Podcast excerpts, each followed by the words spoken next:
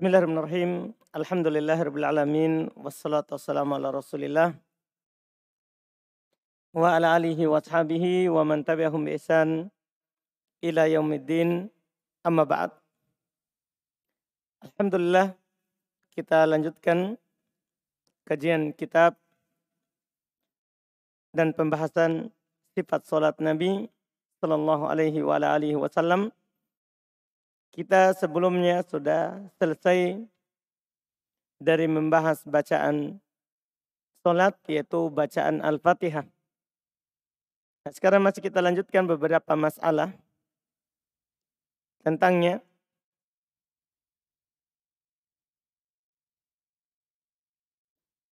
Itu terkait dengan bacaan Al-Fatihah.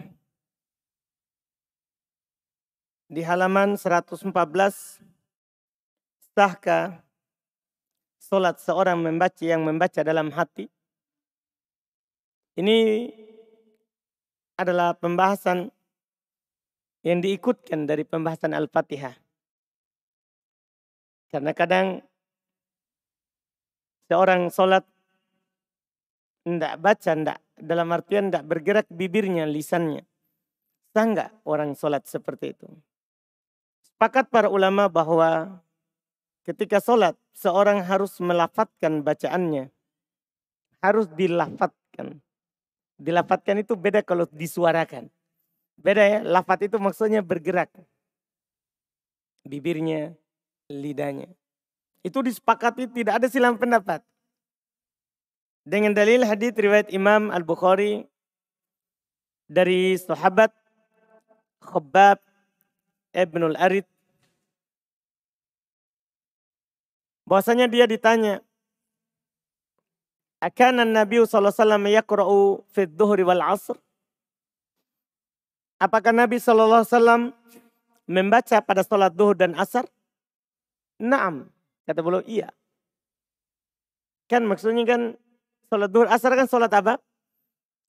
Siria kan, sholat yang tidak dijaharkan. Jadi kan maghrib, isya, subuh jelas.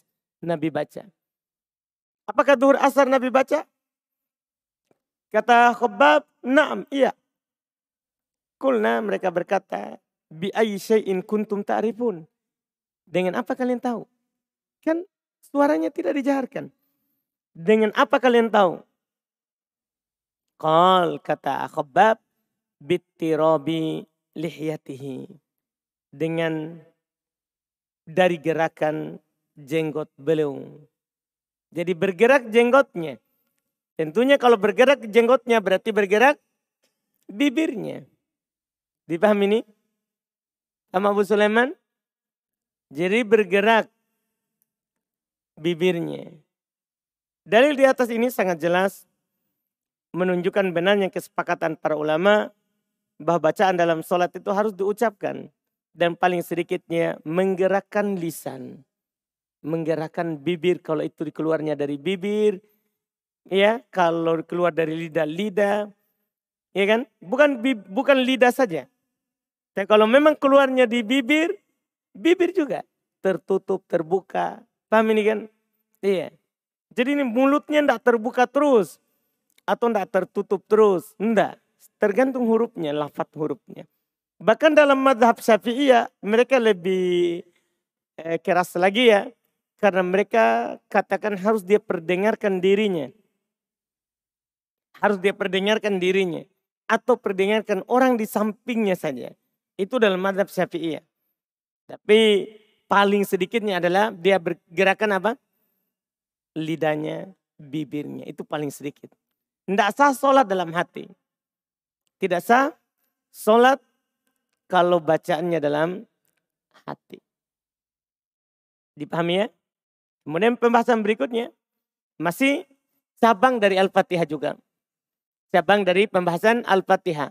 Yaitu apakah orang yang mendapati imam sedang dalam keadaan ruku dianggap mendapatkan satu rakaat atau tidak? Karena kan kita sudah dengarkan bahwa Nabi SAW bersabda la solata liman lam yakro bi fatihatil kitab. Tidak ada solat bagi orang yang tidak membaca Al-Fatihah. Kan begitu kan? Sekarang, apakah makmum yang masbuk mendapati imam dalam keadaan ruku, dia dianggap mendapatkan satu rokaat atau tidak. Paham pembahasannya ini? Ini pembahasan saya sengaja bentuknya pertanyaan semuanya. Di suatu saat kalau antum ditanya masalah sholat lima waktu, masalah sholat, semua ada di sini. Semua ada di sini. Jadi kalau antum kuasai, antum bisa menjawab pertanyaan seputar sholat. Dan antum bisa tahu pendapatnya siapa. Paham ya? Nah, ini di buku ini kan dibahas secara rinci. Mulai dari takbiratul ihram sampai salam. Semua yang orang pernah tanyakan saya muat di sini. Ya, saya muat di sini. Semua yang orang pertanyakan. Saya masukkan di sini, masing-masing di babnya. Kalau orang bertanya seputar ruku, ada di ruku. Seputar sujud, ada di sujud. Seputar bacaan Al-Fatihah, ada di bacaan Al-Fatihah. Jadi nanti antum tinggal kembali saja di buku ini. Paham kan?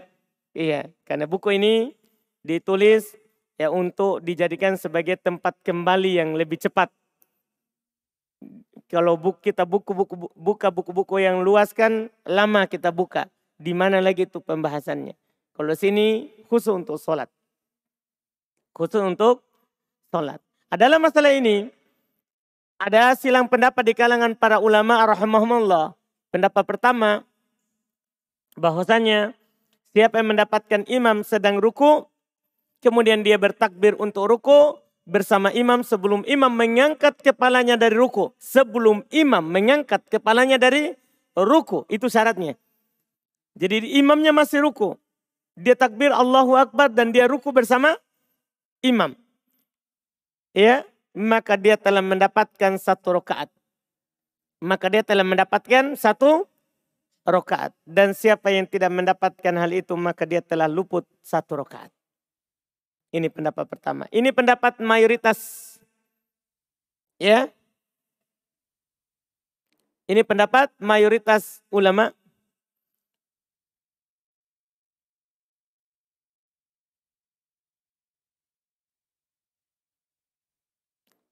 Bahkan disebutkan oleh Imam Ahmad bahwasanya tidak ada seorang pun dari ahlul Islam menyelisih hal itu.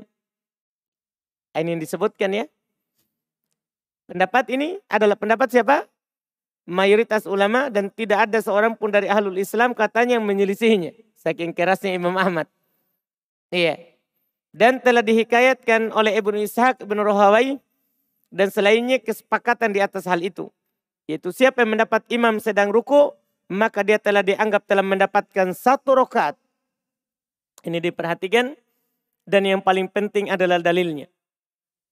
Dan mayoritas berdalil dengan hadis Abu Bakar yang diriwayatkan oleh Imam Al-Bukhari annahu intaha ila Nabi sallallahu alaihi wasallam wa Bahasanya dia sampai kepada Nabi sallallahu alaihi wasallam yang sedang solat dalam keadaan Nabi sallallahu alaihi wasallam sedang ruku. Faroka qabla ayyasila ila saf. Maka dia pun ruku sebelum sampai ke saf. Saking maunya dapat ini supaya tidak masbuk. Ini supaya tidak masbuk. Jadi dia ruku sebelum sampai ke sof. Jadi imam sudah ruku ini. Nabi sedang ruku. Akhirnya dia ruku sebelum sampai ke sof. Karena maunya dapat. Fadakar dzalika lin Nabi, maka hal itu disebutkan kepada Nabi. Fakal kata Nabi, zadakallah hirsan wala ta'ud. Nabi cuma katakan, semoga Allah menambah semangatmu tapi jangan diulangi. Yang dilarang diulangi adalah ruku di luar sof. Saking karena mau dapat satu rakaat, akhirnya dia ruku di mana? Di luar sof. Tidak mau masbuk. Takut dicatat namanya mungkin ya kalau santri. Paham gak nih? Akhirnya baru masuk, langsung lari. Ruku. Allahu Akbar, langsung ruku. Masih di luar sof. Baru dia berjalan sambil ruku. Kata Nabi, Zadakallah hirson wala ta'ud. Semoga Allah menambah semangatmu tapi jangan diulangi. Sisi pendalilannya, Nabi tidak suruh, kamu belum baca Al-Fatihah. Kamu harus tambah satu rokaat. Kan Nabi tidak suruh. Tidak mungkin Nabi membiarkan yang salah kan? Paham ini? Orang yang salah sholatnya saja sampai tiga kali dia ulangi. Apalagi ini tidak dapat ruku, tidak dapat satu rokaat. rokaat. Nabi tidak suruh ulang. Tambah, tidak. Ini menunjukkan bahwa siapa yang dapat ruku dapat satu rakaat. Kita lihat pendapat kedua. Sementara pendapat kedua seorang makmum dianggap mendapatkan satu rakaat jika ia membaca Al-Fatihah. Artinya kalau ruku tidak belum eh, dia belum membaca Al-Fatihah tidak dianggap dapat. Ini pendapat kedua. Iya. Jika hanya mendapatkan ruku maka tidak dianggap mendapatkan satu rakaat. Ini pendapat Imam Al-Bukhari, Ibn Khuzaimah, Ibn Hibban, dan Ibn Hazm. Mereka berdalil. Jadi dia menyelisih mayoritas ahli, di, uh, mayoritas ulama kan. Dalil, mereka berdalil dengan hadis Ubadah bin yang diriwayatkan oleh Imam Al-Bukhari dan Imam Muslim. Rasulullah SAW bersabda, La solata liman lam yakro bifatihatil kitab. Tidak ada solat bagi yang tidak baca Al-Fatihah. Itu, ini kan dapat ruku. Otomatis dia tidak baca Al-Fatihah. Maka dia tidak ada solat baginya. Dan dalil yang lain yang menunjukkan wajibnya membaca Al-Fatihah. Yang telah berlalu penyebutannya. Mereka juga mengatakan pendalilan dengan hadits Abu Bakar yang digunakan oleh mayoritas ulama tadi, dalil tersebut adalah katanya di dalamnya terdapat ihtimal kemungkinan. Sedikitnya terdapat tiga kemungkinan dalam hadis tersebut. Kata mereka, pertama bisa saja Nabi melarang untuk tergesa-gesa mendatangi sholat. Kedua, kemungkinan Nabi melarang ruku sambil berjalan di belakang sholat. Ketiga, Nabi memberikan larangan untuk mengikuti imam yang sedang ruku. Ini kemungkinan-kemungkinan. Katanya, dengan kemungkinan-kemungkinan itu, kata mereka menunjukkan lemahnya pendapat tersebut. Sebab tidak diketahui kemungkinan mana yang lebih kuat. Paham katanya ini? Ini alasan mereka. Sekarang tinggal kita lihat mana pendapat yang kuat. Pendapat yang paling kuat. Pendapat yang paling kuat dari kedua pendapat di atas adalah pendapat yang pertama. Hal tersebut dikarenakan beberapa alasan. Ini alasannya. Kenapa kita pilih pendapat yang pertama, bukan pendapat yang kedua. Hadis yang disebutkan pada pendapat kedua adalah hadis umum. Maksudnya Nabi SAW bersabda, La solat liman lam yakro bifatihati Alkitab. Ini hadis apa ini? Umum. Secara umum tidak ada solat tidak membaca Al-Fatihah. Paham kan? Kemudian kalau dapat ruku itu khusus. Berarti kita katakan Asalnya tidak ada solat bagi yang tidak baca Al-Fatihah. Kecuali mendapatkan ruku. Dianggap dah dapat. Paham maksudnya? Ini kita mengamalkan dua hadis. Jadinya. Mengamalkan dua hadis. Kalau dapat berdiri. Harus selesai Al-Fatihahnya baru dianggap. Kalau dapat ruku. Maka batal Al-Fatihahnya. Dengan dalil yang kedua. Kalau dapat berdiri. Harus Al-Fatihah. Dalil hadis Abu eh, Ubadah bin Somit. Kalau dapat ruku dapat satu rakaat. Kenapa? Dalil hadis Abu Bakar. Berarti kita beramal dengan berapa dalil? Dua dalil. Itu alasan pertama. Kedua, hadis yang disebutkan pada pendapat pertama adalah hadis khusus. Eh, hadis yang disebutkan pada pendapat pertama hadis khusus. Ini tadi yang Nabi bilang. Dalam keadaan usul fikih mengatakan dalil khusus itu lebih dahulukan daripada dalil umum. Kalau antum tidak belajar usul fikih tentunya tidak paham apa yang disebutkan ini. Nanti antum akan pelajari di usul fikih. Kalau ada pertentangan dua dalil. Nah, satu mengatakan seperti ini kasus harus Al-Fatihah, satunya mengatakan apa? Hmm? Satunya mengatakan kalau dapat ruku dapat satu rakaat. Kan begitu kan? Ini dua dalil bertentangan. Harus Al-Fatihah. Ini boleh tidak Al-Fatihah karena ruku dapat. Kan begitu? Bertentangan. Nah, kalau bertentangan dengan seperti ini, maka langkah awal ada empat langkah. Ada empat langkah. Langkah pertama dikompromikan. Langkah kedua ditarji, dirojikan salah satunya. Langkah ketiga adalah eh, langkah kedua adalah nasakh mansuh. Satu dihapus, satunya diamalkan. Langkah ketiga ditarji, dirojikan. Dipilih mana yang kuat dari dua dalil. Nah, langkah terakhir tawakuf, diam, jangan ngomong apa-apa. Paham kan? Nah, kalau langkah pertama bisa ditempuh, maka sudah selesai kita kompromikan. Asalnya wajib Al-Fatihah. Tapi kalau dapat ruku, maka batal Al-Fatihahnya dan dianggap mendapatkan satu rokaat. Ini sudah sesuai dengan koedah berdalil. Ini sudah sesuai dengan kaidah berdalil. Jelas kan? Adapun perkataan mereka bahwa hadis dari Abu Bakar yang mengandung tiga kemungkinan yang melemahkan sisi pendalilan, maka kita katakan bahwa kemungkinan yang paling kuat dari ucapan Nabi SAW, semoga Allah menambah semangatmu dan jangan kamu ulangi, adalah larangan untuk tidak tergesa-gesa saat mendatangi sholat. Paham ini? Ini kan yang Nabi larang adalah karena dia mau dapat satu rakaat, bahwa dia tergesa-gesa. Sampai apa? Dari mana kita tahu dia tergesa-gesa? Hah?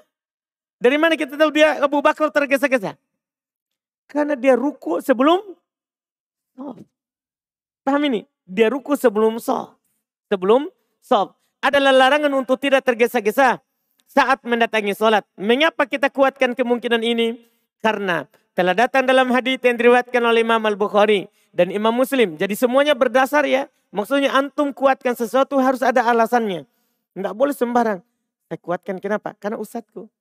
Tidak boleh. Tidak boleh. Kita tidak diajarkan dalam dalam berdalil seperti itu. Bahkan Imam Syafi'i sendiri dalam madhab Syafi'i ya. Kalau datang dalil itu madhabku. Artinya isyarat bahwa jangan ambil pendapatku. Paham ini? Ambil dalil. Demikian pula Imam Malik, pendapat Imam Malik, Imam Madhab Maliki ya. Kata beliau, kulun yukbal qawluhu wa yurad. Semuanya bisa ditolak ucapannya dan bisa diambil. Ila sahib hadil kubur. Kecuali pemilik kuburan ini belum menunjuk kuburan Nabi SAW. Hanya Nabi itu tidak bisa ditolak. Paham ini? Semua bisa antum tolak. Yang penting alasannya tidak tepat, antum tolak. Kalau alasannya kuat, itu antum terima. Itu cara. Kita tidak diajarkan untuk fanatik, taasub, taklid buta. Taklid buta itu tanpa melihat dalil. Pokoknya kalau dia bilang itu yang benar, ah, itu salah. Tidak boleh begitu. Harus. Kenapa dia bilang begitu? Kenapa dia lakukan? Itu penuntut ilmu. Penuntut ilmu itu tidak lihat gerakan badan orang. Oh lihat ustadznya begini langsung dia begitu. Tidak. Penuntut ilmu itu cari tahu kenapa dia lakukan. Karena kita bukan orang awam. Kita tidak dimaafkan kalau hanya taklid tanpa tahu dalilnya. Orang awam boleh. Dia lihat begitu, boleh dia lakukan. Kalau orang awam. Tapi kita penuntut ilmu harus cari tahu. Kenapa bisa? Minimal antum bertanya kepada ya yang melakukan. Itu kan diajarkan oleh para sahabat. Misalnya Abu Hurairah yang telah lewat bersama kita. Nabi takbir Allahu Akbar. Belum diam sejenak. Setelah itu baca Al-Fatihah.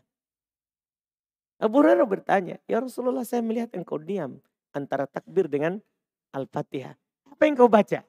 Pahami? Jadi kalau kita diajarkan seperti itu. Kalau antum hanya melihat, jangan langsung ikut. Dipahami nih? Tanya dulu. Lihat contohnya ini diajarkan oleh para sahabat. Kan kita kan pengikut Nabi di atas pemahaman sahabat. Harus begitu caranya. Kalau mau yakin dan mau enak dalam beribadah. Jadi antum melakukan sesuatu, walaupun antum menyelisih orang lain, antum di atas kekuatan dalil. Tapi kalau antum tidak punya itu, maka antum ketika melihat orang melakukan yang berbeda dengan antum, maka antum akan ragu. Wah, saya benar nggak atau tidak? Paham ini? Karena antum tidak punya dalil. Tidak punya dalil. Antum tidak bertanya kepada gurunya antum atau orang yang antum lihat. Bah, kenapa kamu lakukan itu? Dipahami ini? Nah, ini yang kita diajarkan seperti itu. Nah, lihat ini. Jadi kan kata mereka tadi kan ada tiga kemungkinan. Mungkin saja Nabi melarang tergesa-gesa. Mungkin saja Nabi melarang ruku sambil berjalan. Mungkin saja memberikan larangan untuk mengikuti imam yang sedang ruku. Tidak mungkin ini. Kemungkinan ketiga tidak mungkin. Karena Nabi SAW katakan, Ida ataitumus sholah wa fat wa ma'adrokum wa ma'adroktum fasallu. Kalau kalian datangi sholat, apa yang kalian dapati langsung sholat. Masa dilarang ikut sedang ruku? Masa harus tunggu berdiri dulu? Masa dilarang ikut langsung sujud? Dila, tunggu berdiri dulu, kita berdiri dulu sampai dia berdiri? Enggak. Salah. Kalau kita mendatangi sholat, langsung ikut apa yang kita dapatkan. Berarti kemungkinan ketiga kan batal. Paham ini kan? Memang sudah batal dia kemungkinan ketiga. Sisa kemungkinan kedua. Ruku sambil berjalan atau tergesa, tergesa-gesa. Lihat. Katanya adalah larangan untuk tidak tergesa-gesa saat mendatangi sholat. Itu kemungkinan kita ambil. Mengapa?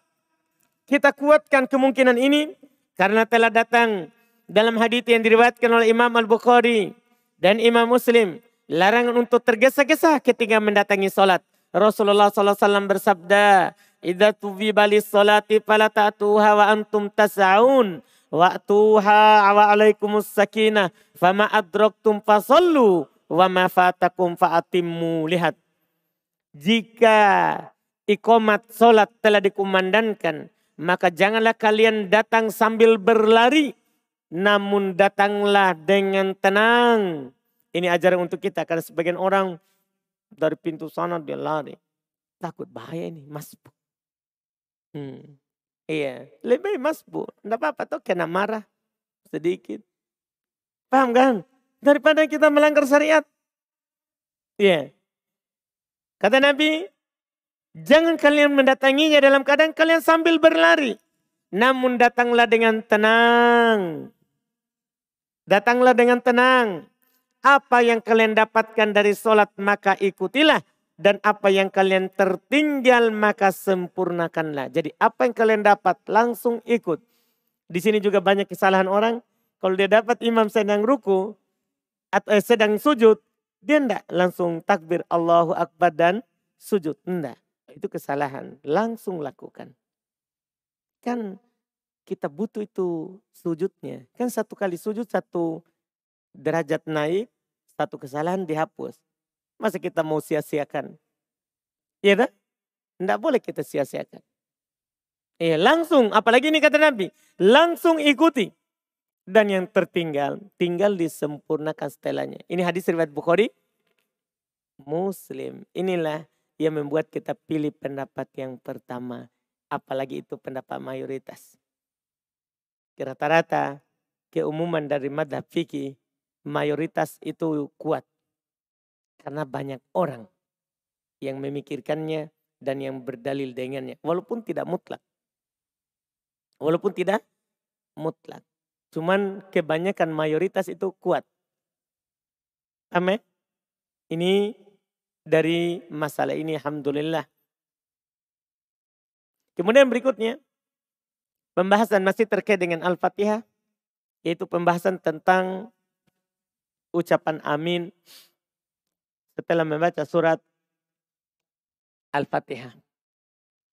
Masalah pertama, Apakah disyariatkan membaca amin bagi imam, makmum, atau orang yang sholat sendiri? Imam, makmum, atau orang yang sholat sendiri. Pertama sepakat para ulama, bahasanya imam, makmum, dan orang yang sholat sendiri, semuanya mengucapkan amin dalam sholat sirriyah. Ingat-ingat, semuanya ini, imam, makmum, sendiri dalam sholat siriyah atau sholat siriyah, sholat yang tidak dijaharkan bacaannya. Itu sepakat dia mengucapkan amin. Dia mengucapkan amin. Adapun pada sholat jahriyah, sholat yang tidak dikeraskan bacaannya. Ya sholat yang dikeraskan bacaannya.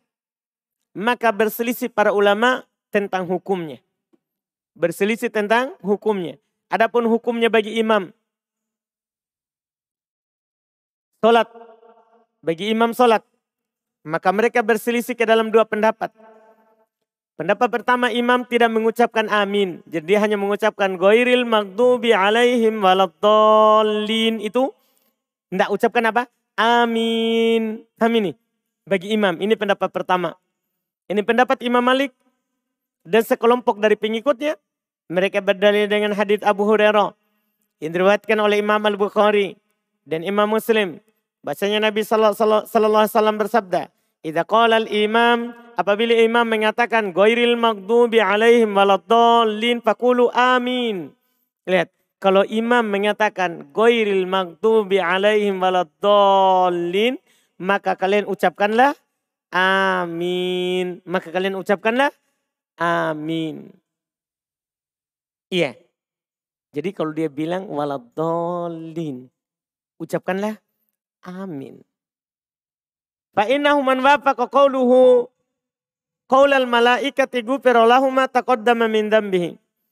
Sesungguhnya barang siapa yang ucapan aminnya bersamaan dengan ucapan aminnya para malaikat, maka akan diampuni dosa-dosanya yang telah berlalu. Ini pendapat pertama. Pendapat kedua, ini masih bagi imam. Bagi imam disunahkan untuk mengucapkan amin. Ini adalah pendapat mayoritas ulama. Mayoritas yang ini menyelisih Imam Malik. Ya, mereka berdalil dengan hadis Abu Hurairah yang dikeluarkan oleh Imam Al-Bukhari dan Imam Muslim. Nabi Shallallahu Alaihi Wasallam bersabda, "Ida amman al-imam fa'amminu, fa innahu man wafaqa ta'minuhu ta'min al-malaika, ghufira lahu ma taqaddama min dambihi." Jika imam membaca amin, jika imam membaca amin. Paham ini? Ini kata Nabi, Ida ammanal imam. Jika imam mengucapkan apa? Amin. Paham? Berarti imam mengucapkan amin. Kan Nabi bilang, jika imam mengucapkan amin. Maka fa'aminu. Maka aminkanlah. Ucapkanlah juga amin. Sesungguhnya siapa yang bersesuaian bacaan aminnya bersamaan dengan bacaan malaikat maka dosa-dosanya yang telah berlalu akan diampuni. Dari dua pendapat ini mana yang benar? Dari dua pendapat di atas, maka yang benarnya adalah pendapat kedua, yaitu pendapat mayoritas ulama. Karena dalil pendapat pertama mutlak. Mutlak, tahu mutlak? Dibilang idza qala imam ghairil maghdubi alaihim waladdallin. Ucapkanlah amin. Belum tentu imam tidak ucapkan. Tapi maksudnya adalah kan boleh bersamaan. Kalau imam mengucapkan goiril magdubi alaihim waladolin, ucapkan apa? Amin. Tidak ada dibilang. Imam tidak bilang. Kan begitu kan? Kan mutlak.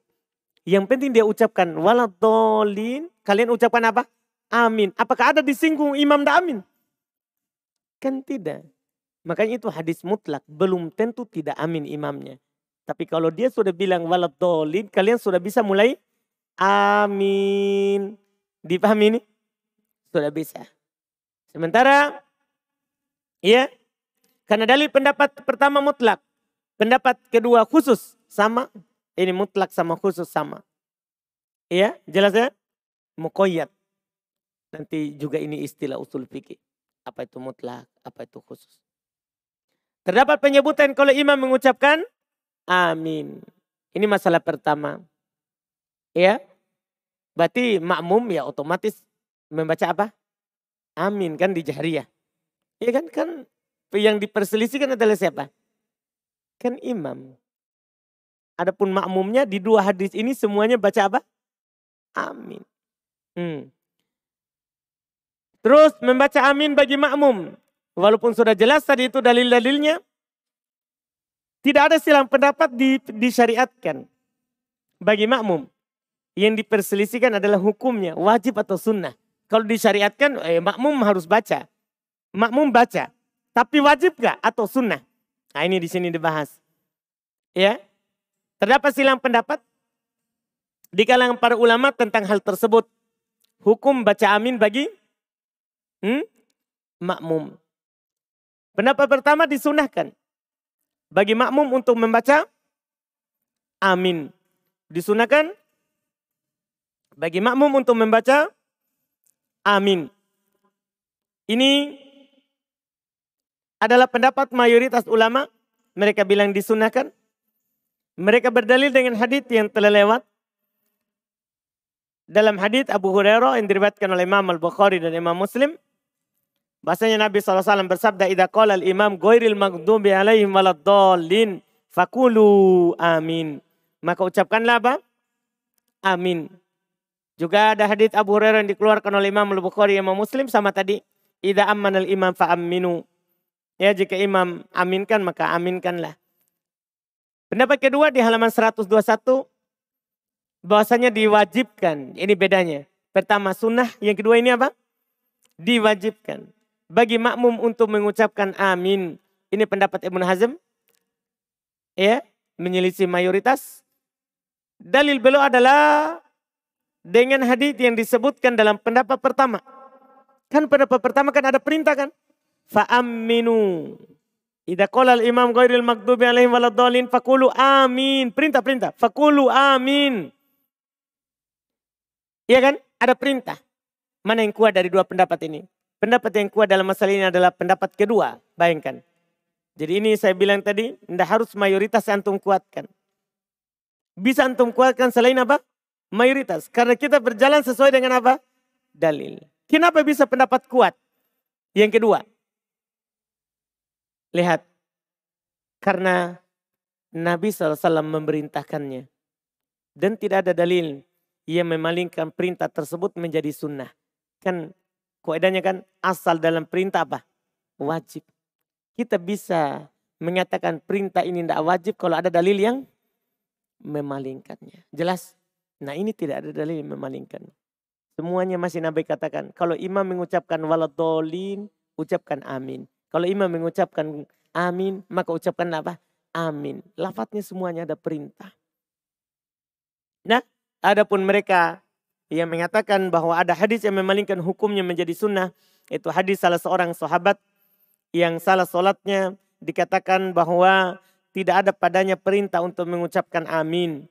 Nah, itu yang mengatakan, oh tidak wajib karena ketika Nabi mengajarkan orang salah solatnya kan tidak ada ucapan apa? Amin sebagaimana telah lewat hadisnya. Maka kita katakan bahwa semua yang disebutkan dalam hadis tersebut adalah rukun-rukun dalam sholat. Kita tidak berbicara rukun. Amin bukan rukun. Iya kan? Yang disebutkan dalam hadis itu semuanya apa? Semuanya apa? Rukun dalam sholat. Sementara ucapan amin termasuk dalam kewajiban-kewajiban sholat. Kan beda. Dipahami nih? Ini alasan-alasan yang bagus. Ini anda nukil dari yang disebutkan oleh para ulama kita. Sehingga kita paham kenapa saya berpendapat ini. Tentu paham kan? Kenapa saya harus pegang? Ini alasan-alasan yang harus disebutkan. Kan ada juga eh, sebagian menulis buku kan tidak dikatakan. Ini sunnah begini, wajib begini, rukun begini. Dah. Tanpa dijelaskan alasan. Sehingga kadang kita kalau melihat perselisihan akhirnya bingung lagi bingung lagi, tidak kuat saya berpegang kenapa begitu. Paham ya? Nah, ini semua alasan ini disebutkan. Kemudian, apakah bacaan amin diperdengarkan atau tidak? Ini masalah ketiga terkait dengan pembahasan amin. Jadi amin ini bukan masalah sedikit. Ini sudah ketiga. Dalam masalah ini terdapat tiga pendapat di kalangan para ulama. Pendapat pertama ucapan amin setelah bacaan surah Al-Fatihah dalam sholat diperdengarkan oleh imam dan makmum. Ini pendapat Ato, Al-Auza'i, Imam Syafi'i, Imam Ahmad, dan keumuman ahli hadis diperdengarkan. Amin, diperdengarkan. Dan pendapat ini adalah pendapat mayoritas ulama. Ya, mayoritas ulama. Mereka berdalil dengan hadis juga yang telah lewat. Hadits Abu Hurairah riwayat Imam Al-Bukhari dan Imam Muslim. Bahwasanya Nabi SAW bersabda idza qala al-imam ghairil maghdubi alaihim waladdallin fakulu ucapkanlah. Paham ini? Ada suaranya. Amin. Seperti itu juga hadis idza ammana al-imam fa aminu apabila imam mengaminkan maka ucapkanlah amin jelas sekali bagi kita dari kedua lafaz hadis ini bahwa ucapan itu ya kalau dia bersuara. Demikian pula mereka berdalil dengan hadits Wa'il ibn Hujur yang diriwayatkan oleh Imam Abu Daud dan disahihkan oleh Syekh Albani rahimahullah dalam Sunan Abu Daud kata Wa'il ibn Hujur karena Rasulullah SAW idha qara'a walad dolin adalah Rasulullah SAW apabila belum membaca walad dolin Qala maka belum berkata amin wa rafa'a biha saw sautuhu wa rafa'a biha sautahu dan belum mengangkat dengannya suaranya. Lihat lihat, mengangkat suaranya. Belum mengangkat apa? Suaranya. Jelas ini ya?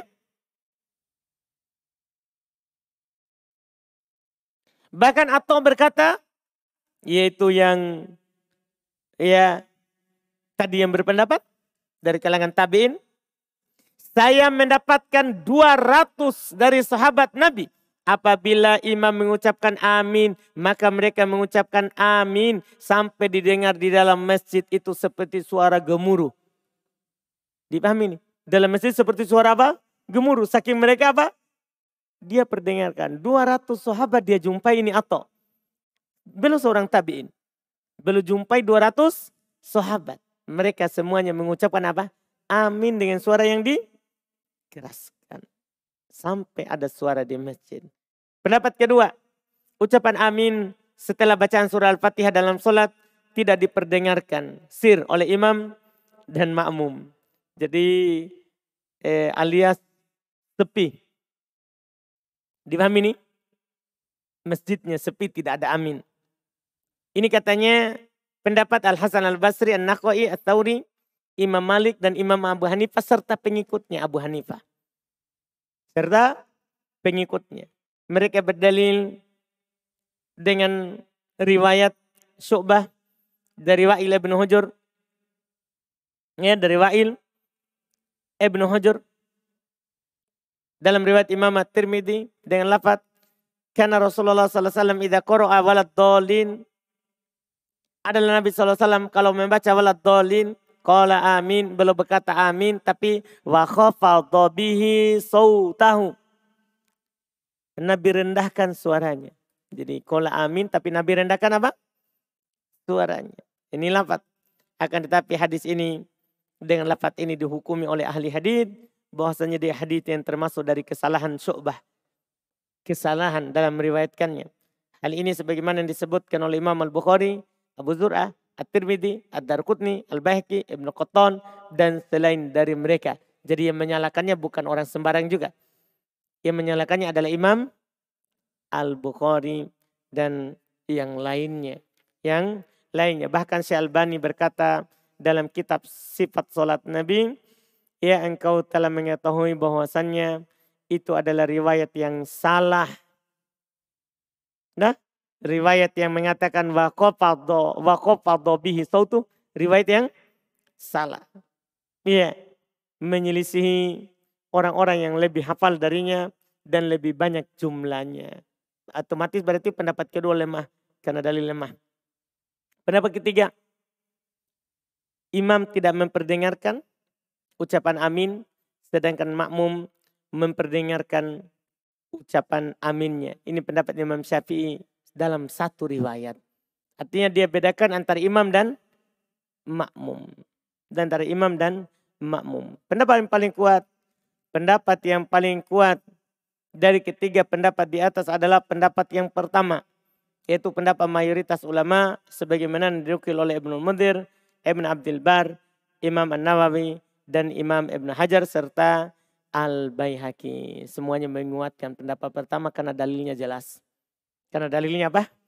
Jelas dan lebih kuat. Kemudian masalah berikutnya lagi, apakah masalah keempat tentang amin?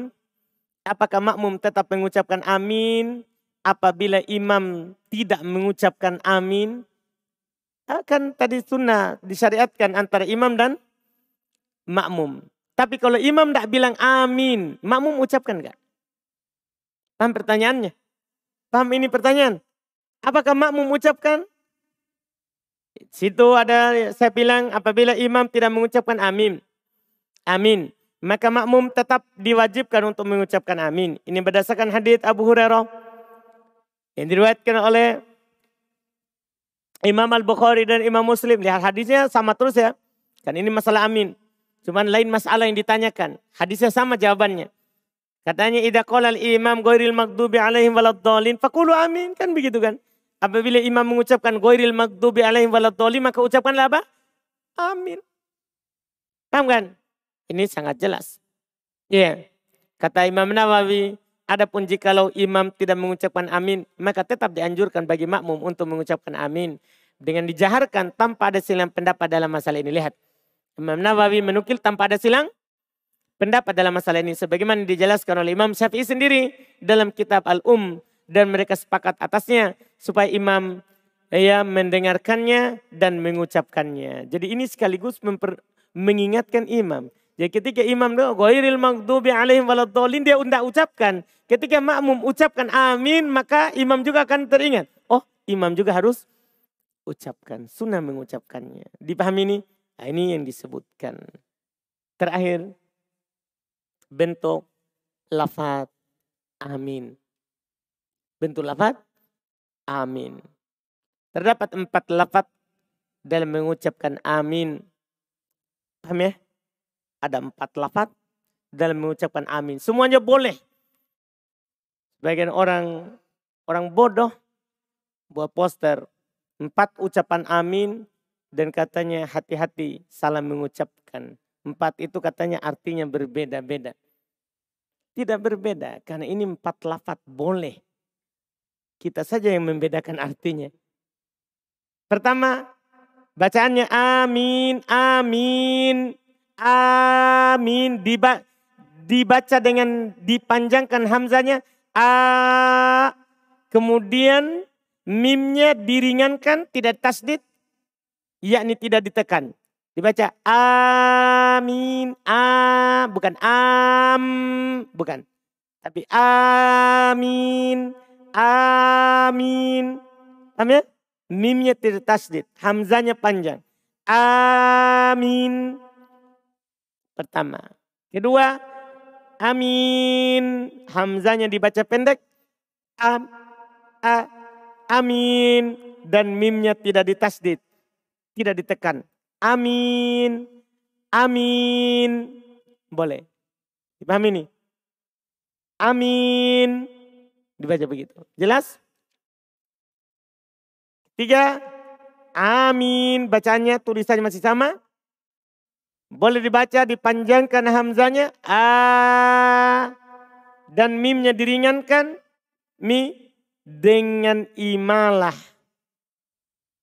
Panjang hamzanya, mimnya diringankan dan disertai dengan suara imalah. Apa itu suara imalah?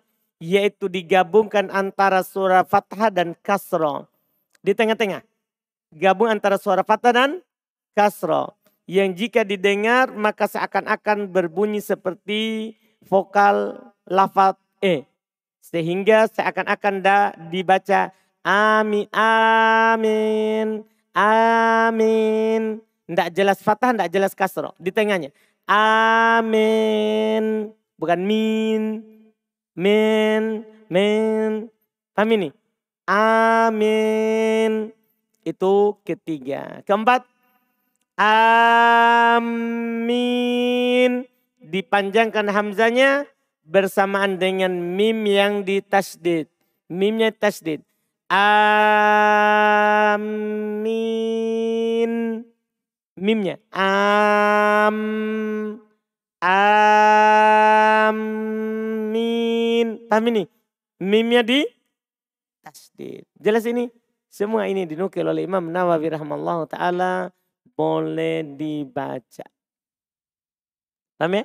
Bisa dilihat kitab Al-Majmu' karangannya Al-Nawawi dan Al-Fatih karangannya Ibnu Rajab.